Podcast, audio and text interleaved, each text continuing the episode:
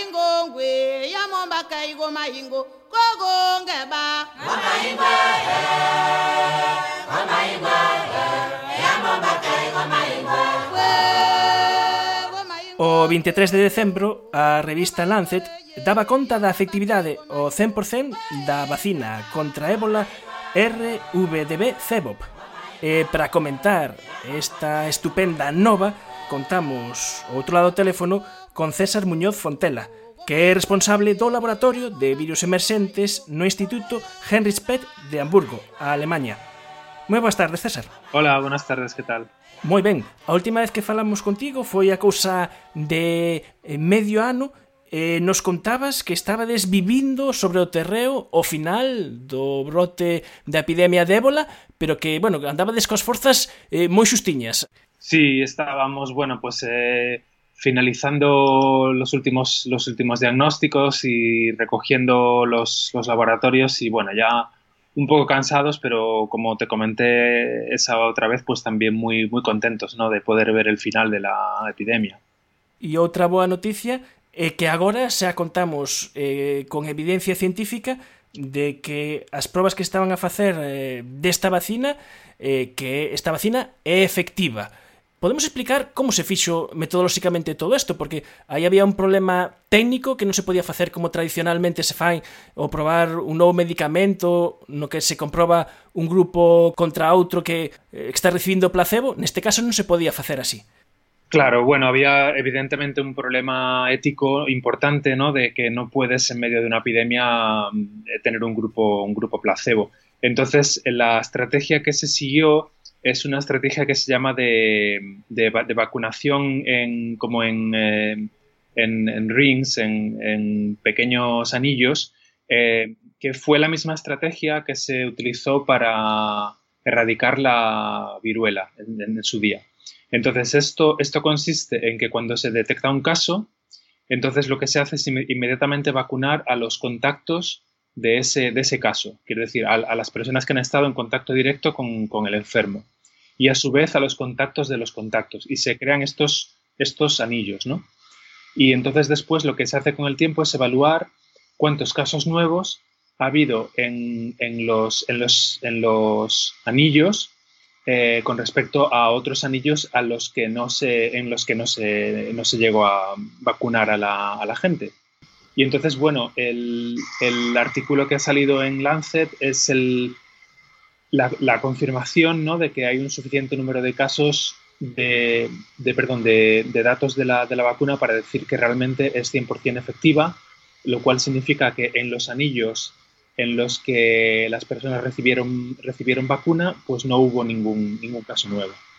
unha nova metodoloxía que ademais eh, como había datos preliminares e se foi vendo que, que sí estaba dando resultados, se amplió incluso o rango de vacinación, porque en principio eso era eh, para adultos mayores de 18 anos e, e veuse os resultados preliminares que, que estaba a funcionar, entonces eh, se, se ampliou a vacinación ata nenos maiores de 6 anos, ou seja, que sobre a marcha se, for, se foron adoptando medidas. Claro, también había, también se fueron generando unos datos de diferentes estudios en Europa, en Estados Unidos de, de fase 1, en el que, bueno, se vio que, que la vacuna, pues, no, no tenía efectos secundarios eh, eh, graves, ¿no? Importantes, o algo que, que bueno, que, que pudiera prevenir el uso de la, de la vacuna. Y como bien dices, pues cuando se vio que iba siendo efectiva, pues por supuesto se amplió el, rango a intentar vacunar a la mayor cantidad de, de gente, de gente posible, ¿no?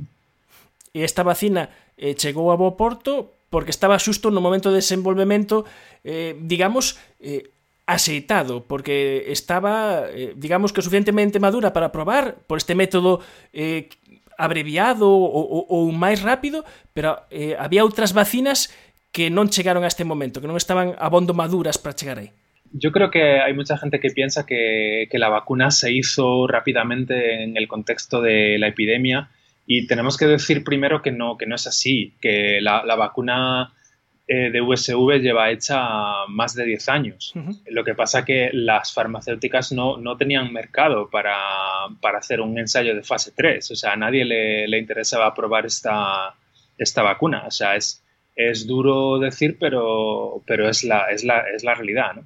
Entonces, esta vacuna y la vacuna de adenovirus y otras vacunas experimentales son el fruto pues, de trabajo de, muchos grupos durante, durante muchos años. Y bueno, la buena noticia es que efectivamente, como dices, esta vacuna y la de, y la de adenovirus, sobre todo, pues ya se habían probado en, en, modelos de ratón, se habían probado en, primates, habían, y bueno, y pues, pues son 10 años de muchos estudios demostrando que la vacuna era efectiva y, demás, ¿no? Y eso fue lo que, lo que hizo que, que, digamos, en el contexto de la epidemia, pues se pudiera, se pudiera aplicar a humanos suficientemente rápido.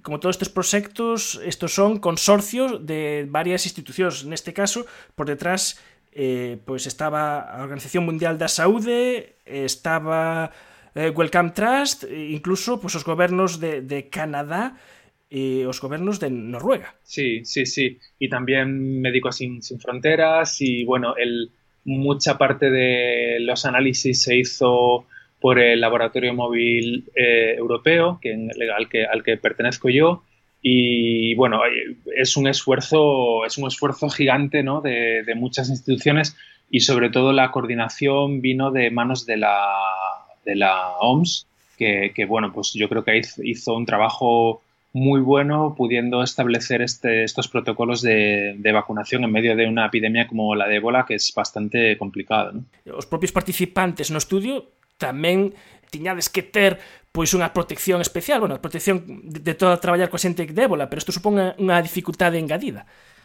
Sí, mucha dificultad y luego y luego un, algo que igual no es tan obvio para, para, para la gente es, es que también hubo una dificultad eh, social importante, porque eh, cuando o sea, siempre hay algunos sectores ¿no? de la población, sobre todo población rural, de las zonas afectadas, que pensaban que nosotros o que los cooperantes éramos los que estábamos llevando el virus allí, ¿no? Entonces tú cuando, cuando pinchas una vacuna a una persona sana y esa persona desarrolla la, enfermedad, eh, lo que van a pensar en algunos casos es que tú has puesto el virus, ¿sabes? No una, no una vacuna. Entonces, eh, fue un esfuerzo logístico y sobre todo, y sobre todo social eh, también muy importante y tengo que decir que la población, sobre todo de mm, Guinea, que es, que es con la que yo he trabajado, respondió increíble, increíble. Y al final, pues bueno, también es un poco un éxito, un éxito social, ¿no?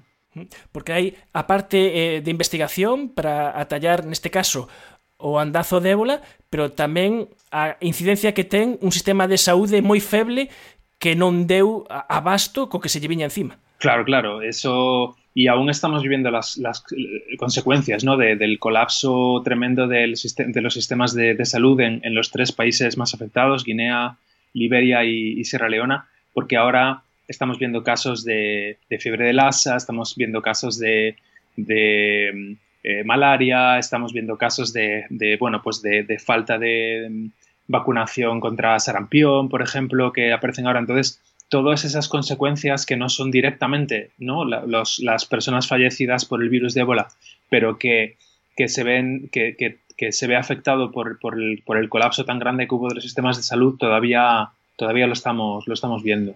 ¿Qué pasaría se, se hai outra cepa? Se crea inmunidade? Que, que cosas quedan todavía no aire? Para, para la, comunidad en que estamos en esto, yo creo que las dos preguntas más importantes es primero, si, si ahora que no hay epidemia va a haber una farmacéutica que va a ser, digamos, lo suficientemente valiente como para producir esta vacuna. Eso es lo, primero, porque la vacuna está ahí, pero ahora necesitamos que una farmacéutica la, la, produzca. Eh, eso, entonces, eso es la pregunta número uno. Y la dos, como bien dices, es que hay diferentes cepas de ébola y, bueno, lo que se está intentando ahora es buscar una, una modifica, modificación de esta vacuna o otras vacunas alternativas que sean eh, cross-reactivas con otras cepas.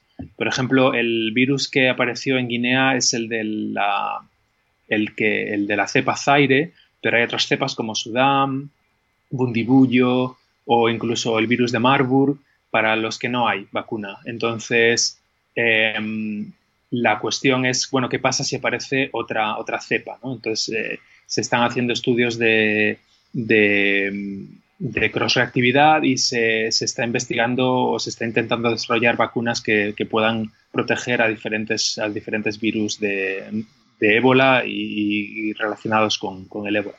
e tamén está caso dos supervivintes, eh, das persoas que superaron a enfermidade que por un lado teñen o risco de ter un estigma eh, social e por outro lado que agora sábese que, que por exemplo pode haber unha persistencia do virus no semen durante certos meses. Sí, eso también, bueno, de hecho nosotros tenemos un proyecto en Guinea con un, con un grupo de, de supervivientes y bueno, nosotros lo que estamos estudiando es eh, el tipo de respuesta inmune que estas personas han generado, eh, comparado, por ejemplo, con, personas que, están vacunadas, ¿no? Y que, nos puede dar una idea de cómo de, buena es la inmunidad que genera la vacuna frente a sobrevivir al virus. Eh, estamos haciendo un seguimiento de, de, estos pacientes también en cuanto a la persistencia, luego hay a la persistencia del virus en diferentes tejidos, Luego hay otras personas que están, otras, otros, mm, eh, eh, otros, otros partners que están eh, ayudando en los aspectos sociales, como dices, de reintegración. Entonces, bueno, hay mucho trabajo todavía por hacer y mucho por descubrir, ¿no? Moito traballo por facer, moito que descubrir, moito que, que investigar e moito tamén de pisar o terreo, porque sei que que xa tes outra vez a maleta preparada e que mañana mesmo colles eh, partides aí co, co laboratorio para, para Nixeiria, eh, neste caso, xa para outra doenza que xa, se, xa esquecida entre as esquecidas. Sí, mañana nos vamos a Nigeria otra vez eh, porque mm, hay una, bueno, todos los años hay casos de, de, fiebre de Lassa, que es otro virus, es mucho menos, mucho menos conocido, mucho menos famoso, pero de hecho causa tantos casos al año como toda la, la epidemia de ébola entera. Lo que pasa que mm, bueno, eh, no se conoce, está muy, es endémico en, Nigeria y en Sierra Leona, sobre todo, y causa unos síntomas en los casos más graves que son muy, muy parecidos al, al, ébola, ¿no? Es, es, es este grupo de, de, enfermedades que se llaman fiebres hemorrágicas que son bastante parecidas. Y, y, bueno, no tiene ese carácter epidémico explosivo, pero todos los años tenemos casos y bueno, pues mañana toca ir otra vez y ayudar con el diagnóstico y, y con, con, lo que se pueda, ¿no? César Muñoz Fontella, responsable do Laboratorio de Virus Emerxentes do Instituto Heinrich Pete. Eh, moitas grazas por atender a nosa chamada e, eh, sobre todo, moitas grazas por ese traballo tan importante que facedes no laboratorio, no eido da investigación, pero tamén pisando o terreo e eh, loitando contra estas doenzas. Moitas grazas por atendernos. Gracias a vosotros, un abrazo.